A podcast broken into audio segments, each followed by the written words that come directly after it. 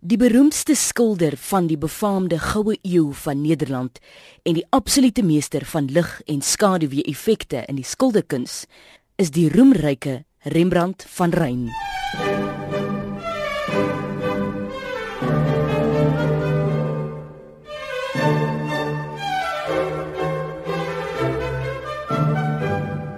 Rembrandt het hom nie net as formidable skilder van godsdienstige tonele en portrette onderskei nie. Hy was ook 'n tekenaar en etser van formaat, terwyl baie van sy leerlinge later self beroemd geword het. Die artistieke nalatenskap van hierdie groot kunstenaar is onberekenbaar waardevol. Volgens een berekening, sowat 400 skilderye, 300 etse en 1200 tekeninge waarvan baie vandag met omtrent geen geld gekoop kan word nie. Talle warm debatte is weliswaar al gevoer oor die autentisiteit van baie skilderye wat lank aan hom toegeskryf is. Daar is steeds onsekerheid hoeveel daarvan werklik die werk van Rembrandt self, van een van sy leerlinge of dalk van hom en 'n leerling saam is. Hoe dit ook al sê, Rembrandt se status as 'n onbetwiste meester het nog nooit getaan nie. Hy word die meeste bewonder vir die warmte en menslikheid in sy werke. Sy groot belangstelling was die mens. Elke individu wat hy geskilder het, is met meelewing uitgebeeld en vir hom was bedelaars en hoëgeplaastes ewe belangrik. Sy gebruik van dramatiese ruimtes van lig wat met onreëlmatige donker ruimtes afgewissel word, is iets spesonders. Wat hy as belangrik beskou het, het hy geskilder sodat dit lyk asof daar lig daarop skyn. Mindere besonderhede wat die aandag kan aflei, is in skadu gehou.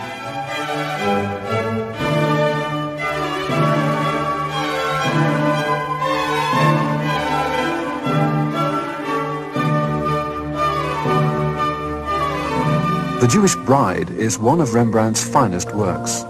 He painted it in 1664, five years before his death.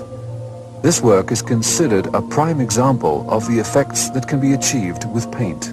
If you look, for instance, at this bulging piece of paint on top of that ring, it creates the illusion that a, a light ray is sort of piercing into your eye. But of course, the most fascinating area in the painting is this area that suggests a certain fabric, we don't know what, like gold brocade-like fabric, which seems to be imitated by this uh, rough surface.